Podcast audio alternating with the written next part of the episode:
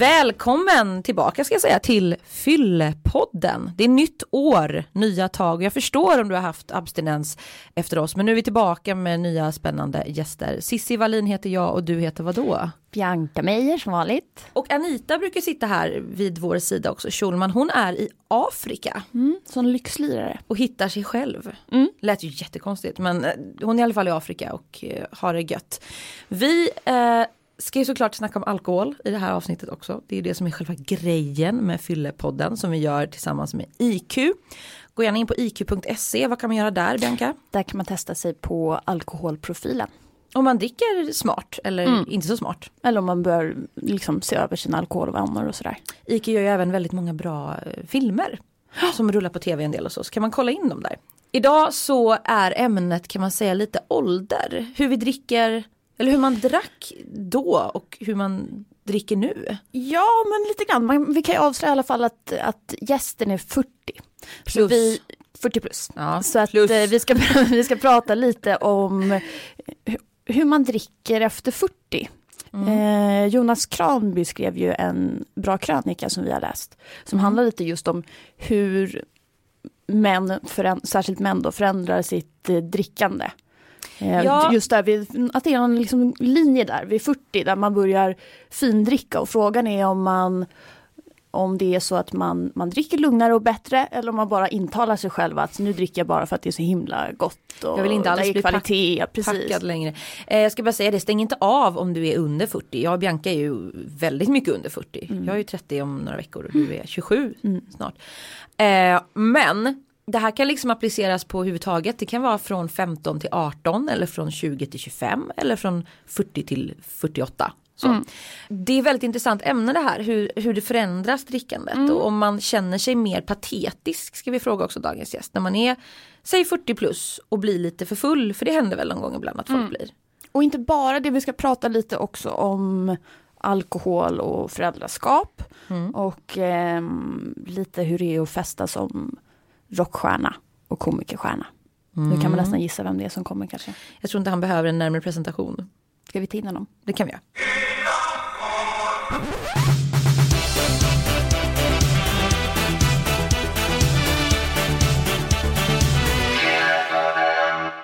Välkommen hit Henrik Schyffert. Tack så hemskt mycket. Vad kul att du ville vara här. Tack så mycket. Vi, vi har pratat lite om hur drickandet förändras framförallt för män efter 40. Mm. Hur ser dina alkoholvanor ja, ut? Jag, jag drack två glas vin i fredags. Eh, och sen drack jag en bärs i torsdags. Eh, det, ja sådär, något glas vin kanske på någon middag i tisdag sådär. Så inga sådana här fyller har det varit på sista tiden. Men det låter lite som att du, du har eh, koll på läget när det gäller alkoholen idag. Då. Men du har också varit eh, rockstjärna. Ja. Hur, hur, rockig, på, hur rockig hur... var du då? Nej men då var det ju, då, men så här skulle jag vilja säga. Jag, jag har ett konstigt jobb. Jag tänker mm. jättemycket på alkohol. Eh, och jag tror att ett av de största arbetsrelaterade problemen i folk och underhållsbranschen är alkoholism och alkohol. Jag tror att det är ett av de största skadorna som de har. Vi har ett sånt konstigt jobb så när vi har jobbat klart då står det en hink med öl och vin och champagne och väntar när vi är klara på jobbet oavsett vilken dag i veckan det är. Mm. Och det tas för givet att det gör du inte om man jobbar på Länsförsäkringar att det kommer någon med en shotsbricka när man ska gå hem varje eftermiddag och ska fira så här att det har gått så bra på jobbet idag. Men när vi har jobbat klart, för det är ju så, vi åker runt också. Eh, och så åker man till något ställe i, i Växjö och så spelar man där och de har, där har man inte varit, för dem är det första kvällen man kommer. Det är en stor mm. grej. Så, här. så de bullar på och fixar efteråt till restaurang och dit och vi ska pella och Annika då har fixat så vi kan låna deras bar och så ska vi så här fullt stöd. Men sen ska vi nästa dag ska vi vara i Karlskrona och dagen efter det ska vi vara i Falun. Det tar aldrig slut liksom för oss. Men för dem är det som en mm. gång. Och då satsar de så här på att nu ska vi ha extra kul. Och det där är ju svårt eftersom man tänker att jag kan inte fira att jag har gjort mitt jobb varenda kväll. Det men är det svårt ändå. att säga nej då? Jo men det är det ju eftersom de vill sådär att det ska vara kul. Och sen är det ju så här när man har, när man stått två timmar på en scen och går av så är man ju så endorfinpumpad. Mm. Alkohol är ett extremt bra sätt att få ner det mm. och, och, komma tillbaks. Det är jäkligt effektivt alltså. Och så kan folk säga hur mycket de vill om att man ska ut och gå en rask promenad och lyssna på den där mindfulness-appen och, och bara så här, sjunka in i en god bok. Ja, men jag håller, på, jag håller på med allt det där också. Men, men om man ska prata om vad som är praktiskt och gott och roligt så ingenting slår en bärs efteråt. Så du har alltså använt alkohol i ner. psykologiskt ja, syfte? Absolut, absolut. Och den som jobbar i den här branschen och sett att man inte har gjort det ljuger. Det kan jag garantera, för, för det gör man. Men man måste ju vara, man måste vara perceptiv där och se nu är det många dagar på raken här. Nu är det farligt liksom. Nu får vi lugna ner oss här. Nu ska vi inte göra det här. Så här. Och man kan ha turnéer, också haft så här turnéer där man dricker någonting på en hel turné och så här. Man bara så här, nej nu är det inte en sån liksom. Så här. Men behövs det någon slags masspsykos ska jag säga, men behövs det någon slags eh, kollektivt ansvar då att eh, nu säger turnéledaren att nu blir det en vit turné eller att det är någon Nej, som det driver går på. inte att säga till vuxna människor vad de ska göra och inte ska göra. Nej men att vi ändå ins- du förstår vad jag menar så här att nu Nej, ska vi måste- försöka tillsammans. Vet du vad som finns i Sverige? I Sverige finns en, någon, som är ganska likt allsången. Så här. När, man, när man går och sjunger själv, då verkar det lite tokigt. Men nu ska alla sjunga tillsammans. Det är någonting som är fint i Sverige. Och det är lite samma med alkohol. Så här. Att om man sitter och dricker själv räknas som fult. Men nu ska vi alla dricka tillsammans. Det räknas som fint. Så det är ganska likt det där. Och då, och då tänker jag så här att det man ska göra lösningen på det här, eller det här problemet då, som underhållningsmänniskorna har, är att man ska respektera när en annan inte vill dricka. Det är det enda som är viktigt. Så om man säger så här, jag tar en Ramlösa, så ska man aldrig fråga liksom, va? Ska du ta en bär? Det ska man inte göra. Nej. Utan man ska bara låta det bara helt gå förbi och säga, det är helt normalt. Varannan kväll så får man liksom bara dricka vatten, det går jätte, jättebra. Så här. Man kan inte hålla på och festa hela tiden på de här turnéerna, det går inte.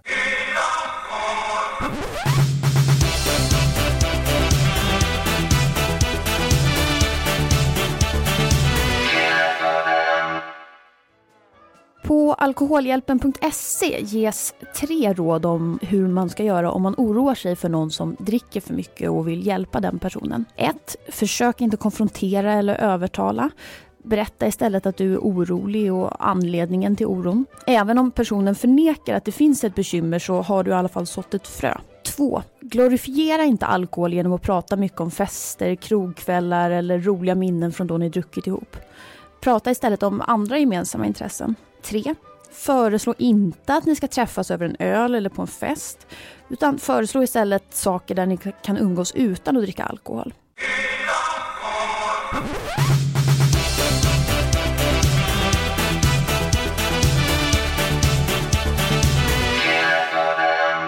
Idag när man är 40 plus så är man ju inte som sina föräldrar var när de var 40 plus. Då var de ju tanter och gubbar och sådär. Eller i alla fall mm, som du pratade om i 90s till exempel. Att dina, men de känns ju äldre. Men min poäng med det här är att blir det ändå att man påminner sig, säg att ni är ett gäng på turné nu och komikergäng och ni är över 40 allihop och så var ni kanske på turné för 15 år sedan. Är det mer så här, "Nej, men nu är vi lite äldre, nu måste vi tagga ner, tänker man så? Nej. På festfronten? Nej. Men man har bara respekt för att man, någon är så här, nej nu går jag och lägger mig. Alltså man säger klockan tio. Men om man hade gjort det när de var 30, hade det mer varit så, vad fan ska du gå och lägga ja dig?" så har det varit. Så tror jag. Jag tror att attityden förändras på det sättet. Att man bara respekterar att folk sådär och så, hur kul kan det vara stå och dricka Red Bull i Karlskrona liksom? Och vodka. Jag vet inte hur kul är det? det kan inte, man har gjort Man har gjort det några gånger, Och det är det mer inte- det det här liksom. Så här, vad är det som ska hända ikväll som är så himla exceptionellt? Som inte skulle ha kunnat hända de övriga 20 åren man varit ute och åkt.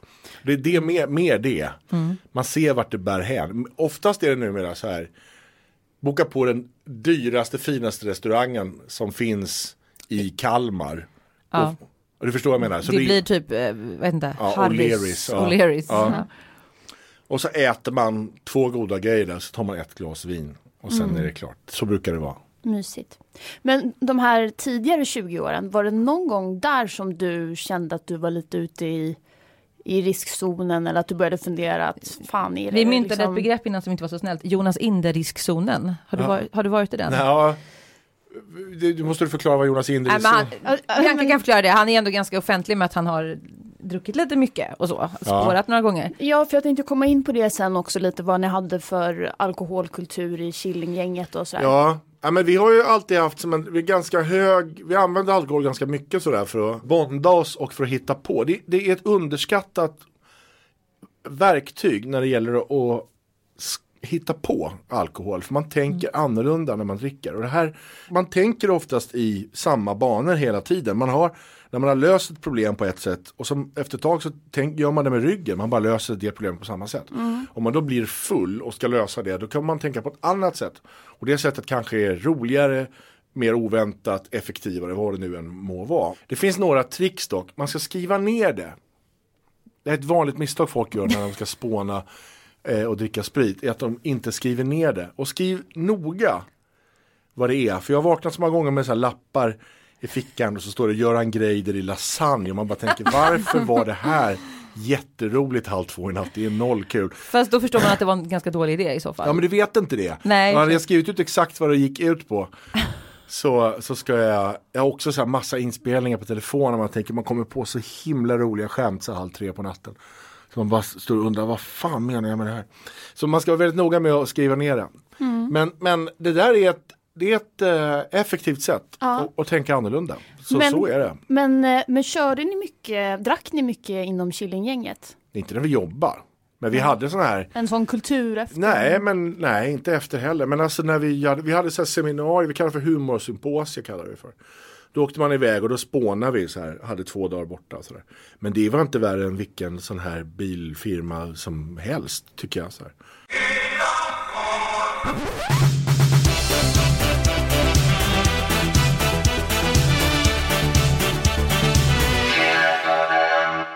Varför är det så svårt att prata med någon som dricker för mycket? I en nyligen genomförd undersökning av IQ så svarade varannan svensk att de känner någon som de tycker har problem med alkohol. 50% av dem uppger att de oroar sig för personen just nu.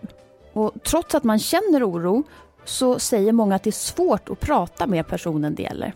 Ju äldre man är desto enklare förefaller det enligt undersökningen att prata med den som dricker för mycket. Men eh, bland unga vuxna, den grupp som dricker allra mest alkohol i Sverige, anger knappt hälften att de pratat med personen.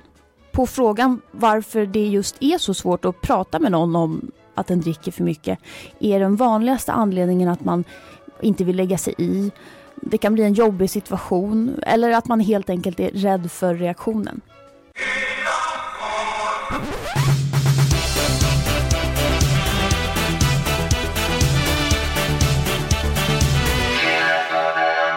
Det finns ju en tydlig koppling mellan självförtroende och, eh, och alkohol. Mm. Och du då som då har Sveriges största Ja, självförtroende. det stämmer inte hävdar jag då. Du har sagt det i en eh, intervju men sen Ja. tog du tillbaka det för Men två var- veckor sedan. Nej, Jag sa att det var väldigt länge sedan jag sa det tror jag.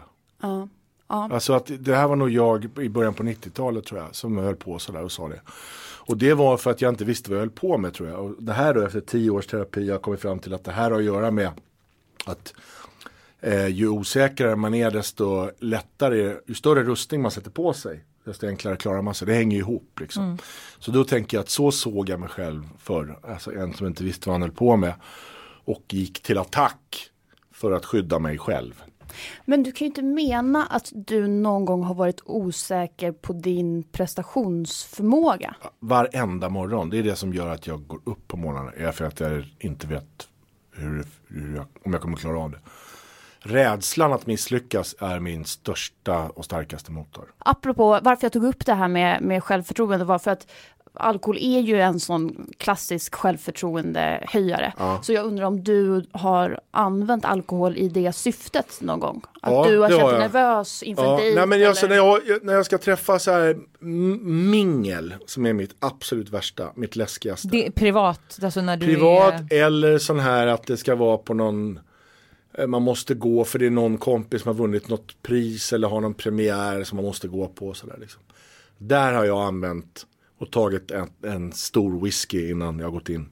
För att jag tycker det är så jäkla jobbigt det där, gå runt och småprata. Och det som är hälsa på folk som jag inte kommer ihåg om jag har hälsat på förut. Ja. Hela tiden, alltså panik över det. Och alla Och jag har vet ju vem du tricks. är på något sätt. Ja, massa tricks. Hej! Och, och sen så märker man, hej Niklas, då vet jag så här, ah, inte träffat förut, ja, bra. Eller så gör jag så här, vad heter du nu igen? Och så säger hon Jeanette. Jo, jo, men i efternamn. Ja, säger jag. jag. Så har massa så här tricks. Vad heter du på Instagram? Det var det jag menade. Ja, nej, jag är värdelös på det. Så där har jag använt det. För att, har, du, har du använt alkohol för att eh, döva själslig smärta då? Alltså när du, när du varit ledsen? Nej. Nej det har jag aldrig gjort. Nej det har jag aldrig gjort. Jag, jag, tycker, jag, har, jag är inte rädd för det. Jag tycker det är ganska mysigt det där när man är ledsen. Jag tycker jag blir glad när jag blir ledsen och tänker så här, fan nu kom jag åt något igen här, nu är det bra här. För det finns något i det där som är, det är så ovanligt idag.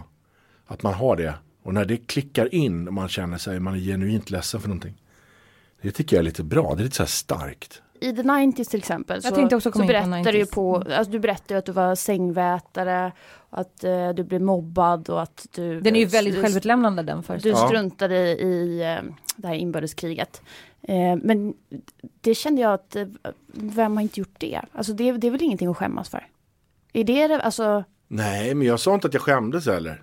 Jag bara berättade att, att eh, jag försökte komma på varför jag blev som jag blev.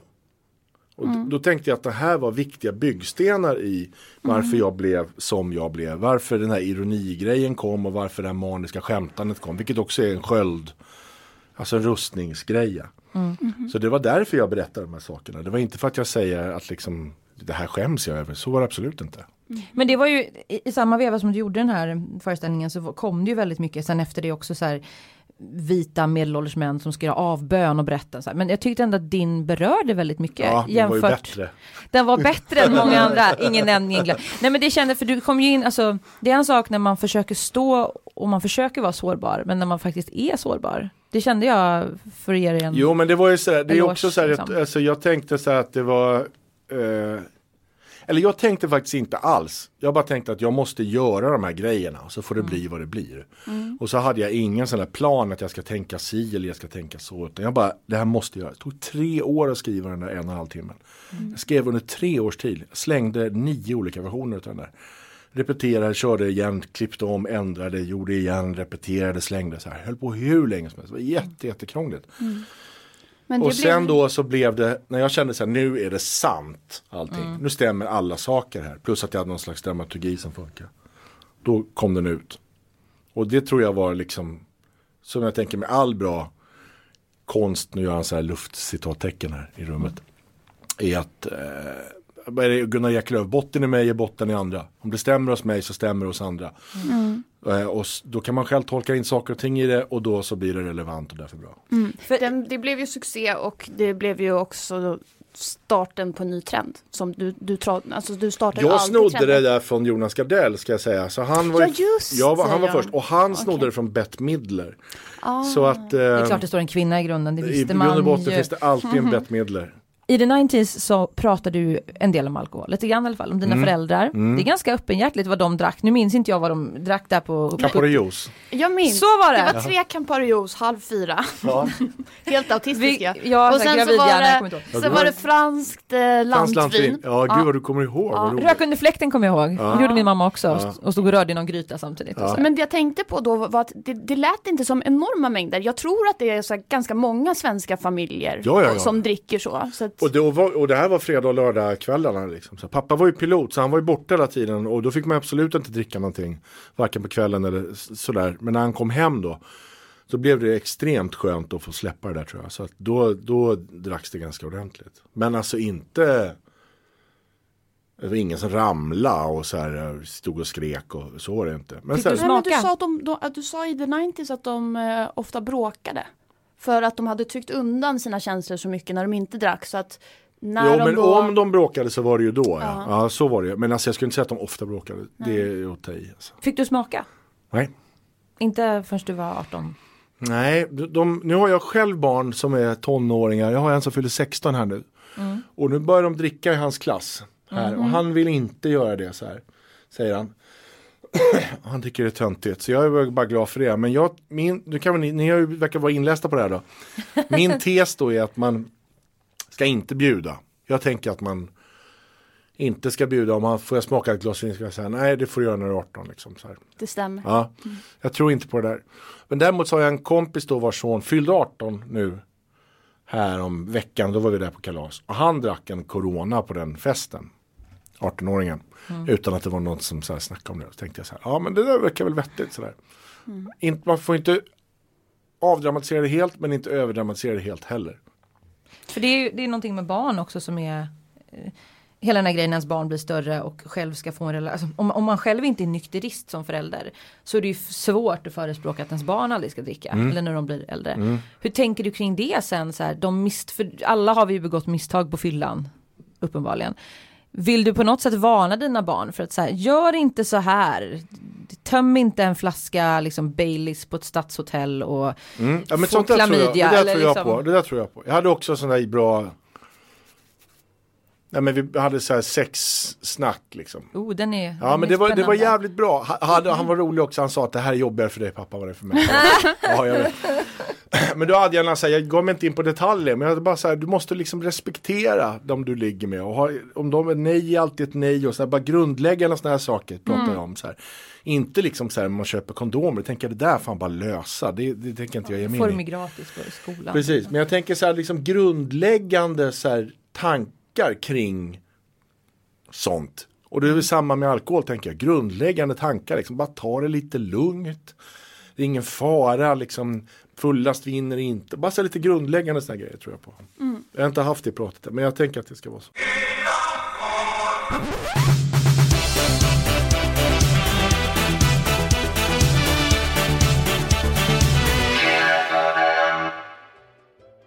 Var tredje förälder är orolig för att deras tonåring ska råka illa ut på grund av alkohol. Det framkom i en undersökning som IQ gjorde bland föräldrar med barn mellan 13 och 17 år. Varje år skickar IQ ut boken Tonårspalören till föräldrar i Sverige. Och boken är till för att underlätta samtalet om alkohol mellan föräldrar och deras tonåringar.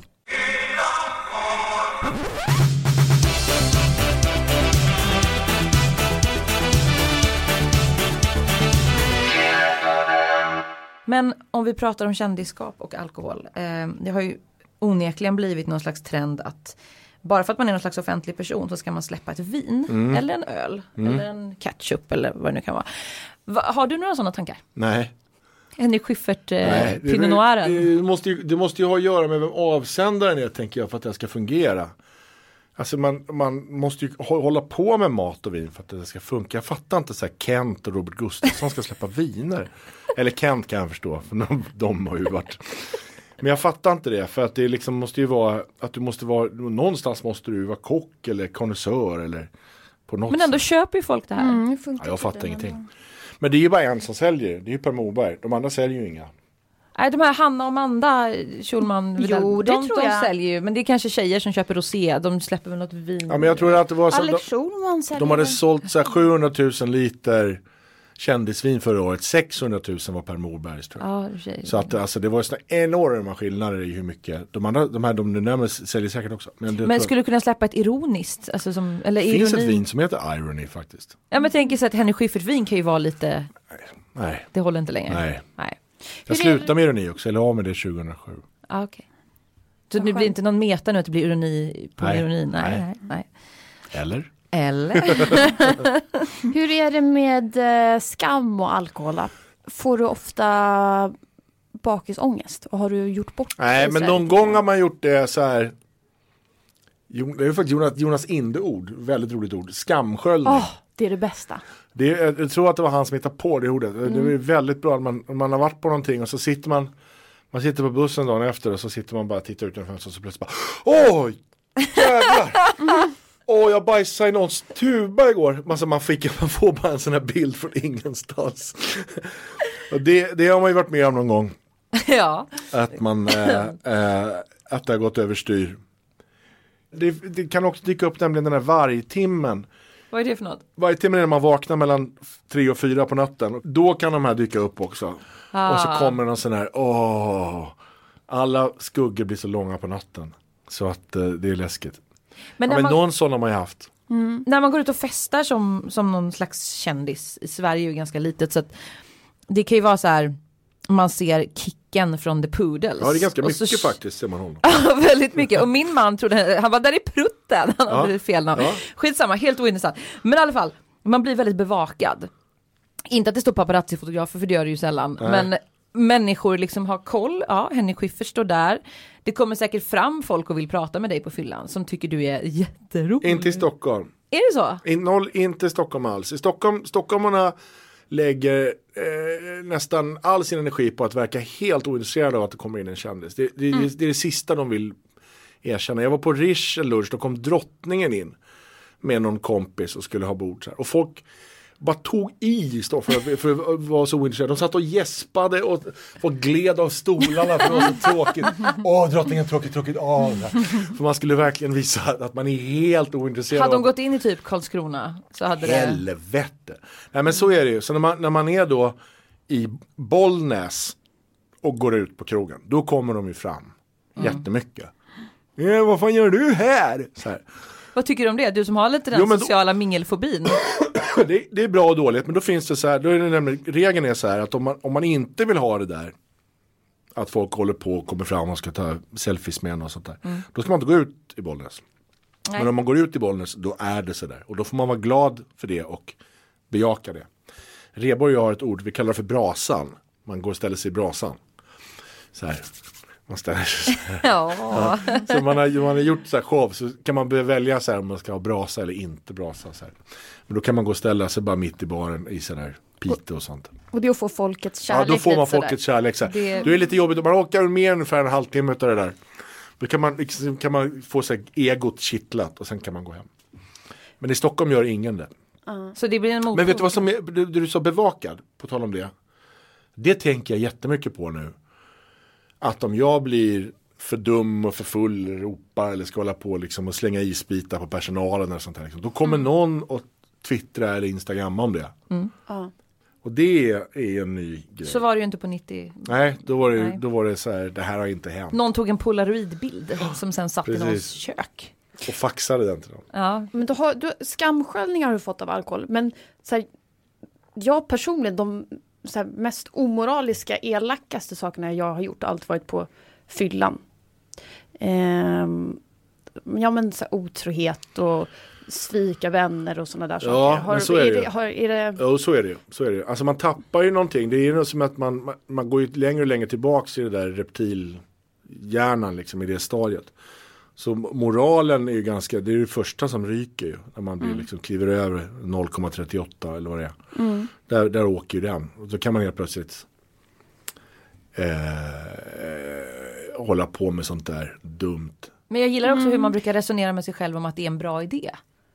För jag har ju jag har varit otrogen på fyllan, inte nu men tidigare förhållanden. Och, ehm, och gjort dumma saker. Och jag kommer ihåg att jag liksom har stått och resonerat med mig själv och så här, okejat det. Så här, Ja men, så ja men du kan tänka så här och tänka att det ändå, ja men då kör vi. Alltså att man tycker att det är en jättebra idé. Men vad är det mest omoraliska du har gjort då? Under alkoholpåverkan? Stulit en bil, eller var det bara ett skämt? Eh, nej men jag tänker inte säga det. Men för det vill jag, det är ingen som vinner. Jag bara kommer förlora på att berätta det. det är, ni kommer vinna på det, jag kommer förlora. Så jag kan inte säga Lose det. win. Ja, det är en lose-win situation. Men är det, är det vänner eller exfruar du har gjort mest illa? Du tänkte haka kvar vid den här frågan? Ja. Är det Exfruar alltså? ja, jag förstår. Vi, vi får Jag förstår. dementera eller bekräfta. Men, men, Apropå exfruar, eh, så nu har ju eh, skvallerpressen gått ut och sagt att du och eh, Nour El Refai ihop. Mm, jag såg det. ah, jag har läst, jag har missat. Är det, är, stämmer det? Nej, men jag tänker inte kommentera det heller. Utan jag tänker att det, det, det stod det i någon tidning såg jag. Ja, Du, så- du såg vad det. skönt. Men hur Då, känns då har man fortfarande chans på Nour. Det är så himla snyggt. på Nord? Vi skiter i Henrik. Men när, när, när det skrivs just sådana saker som är väldigt privat. Ja. Eh, kan du då känna för att, om vi ska knyta det här till fylla, det är lite långsökt, jag förstår det. Men kan du då känna för att liksom bara gå ut och ta en karatefylla för att du inte orkar med massa spekulationer? Eller skiter du i det helt? Herregud, det där är väl ingenting. Det Nej, men man kan, ju... om man har barn kan det bli så här känsligt och... Herregud, det står något nytt nästa dag i den här tidningen. Jag bara tänker att det bara bom- folk bombarderas av sånt där. Med åsikter och gissningar och spekulationer och det är bara hur mycket som helst. Man är en liten plupp i en stjärnhimmel på flera miljarder där. Fast det det spelar- lite brasa blir det ju när de, när de ändå bryr sig. Eller hur? Eh, om ni hade varit ett par så hade det varit ett väldigt intressant par eftersom hon är superfeminist och, och du den största alfahanen, liksom någon Rent slags symbol för, för patriarkatet. Så hur, hur skulle det rent hypotetiskt Jag kan prata gå om ihop? min eh, exfru Bea som är en av de värsta, största feministerna jag har träffat. Vi var ihop i 16 års tid, det gick alldeles utmärkt. Och delade allting superrättvist och var jättenoga med det. Och Du kände dig jag inte röstade förtryckt? på Fi i sista valet och hon tycker att jag är jättefeministisk.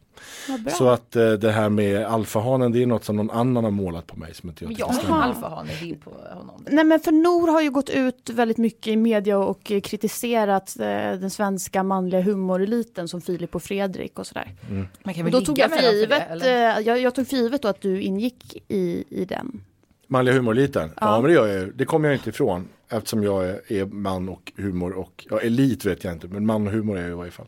Alltså det, det, det kommer jag inte ifrån. Men jag kan inte göra mer än att eh, försöka vara på deras sida och jag dra mitt lilla strå till stacken så mycket jag kan. Jag kan ju också skjutas av, tänker jag. Det är väl den största, mest effektiva. Ja, men hon, men hon är nöjd med vad du gör för, eh, för jämställdheten inom humorbranschen. Det får du fråga henne om. Jaha. För ni är ändå vänner. Att, eh, Men jag tycker det är så skönt att jag inte har den här rollen. Nej, ja, hon är bra på det här. Hon Ja, verkligen ja. håller på. Alltså. Krångla. Det är bra. Om vi ska avrunda lite, jag tänker blir det konstig stämning nu? Jag vet inte. Kände du att det blev konstig stämning? Nej. Nej, det vet jag eh, Om du vill, det här med tips är ju lite larvigt, men om du vill ge någon slags, eh, vad ska vi säga, egen erfarenhet ur det egna livserfarenhetsbiblioteket. Vad, med alkohol. Mm. Om man lyssnar på det här och är 20 bast och tycker du är den coolaste som finns. Vad, vad vill du säga? Det tycker man inte. Folk Nej, 20 men vet det- inte ens vem jag är längre. Men Ja, alltså men folk som är man- 30 då kanske vet vem jag är. Men eh, erfarenhetsmässigt. En, en grej som jag tänker är, är lite bra. Om man, om, man, om man ska dricka i livet så, här, så kan man lägga lite tid på att ta reda på vad man dricker och, hu- och vad det är bra till för mat och vad det är, vilka förhållanden man kan använda det. Lär dig hur det kommer till, var det kommer ifrån, hur det, är, hur det dricks bäst. Alltså lite sådär, var lite intresserad av det. För då tror jag man tar bort ganska mycket av de här eh, vodka Red Bull-fyllorna liksom. Så här. Man, man kan, tycker inte det är gott längre. har- Mest rus och pengarna ryker. Och så- Ja men då tänker jag också så här, men lägg lite mer pengar på det men drick inte så ofta. Lite dyrare, lite mer sällan, lite bättre, lite mer initierat. Så Det tror jag är, det skulle jag kunna ha sagt till mig själv när jag var yngre. Så, här, så att liksom ta reda på lite om det här istället för bara så här stöl. Liksom. Och sen och det är det som är livet. Utan, det, det tror jag är en bra grej. Tack snälla för att du kom hit. Du, vad trevligt det var. Ja, verkligen. tack så jättemycket. Gå in på iq.se och läs mer om oss och om vad IQ håller på med.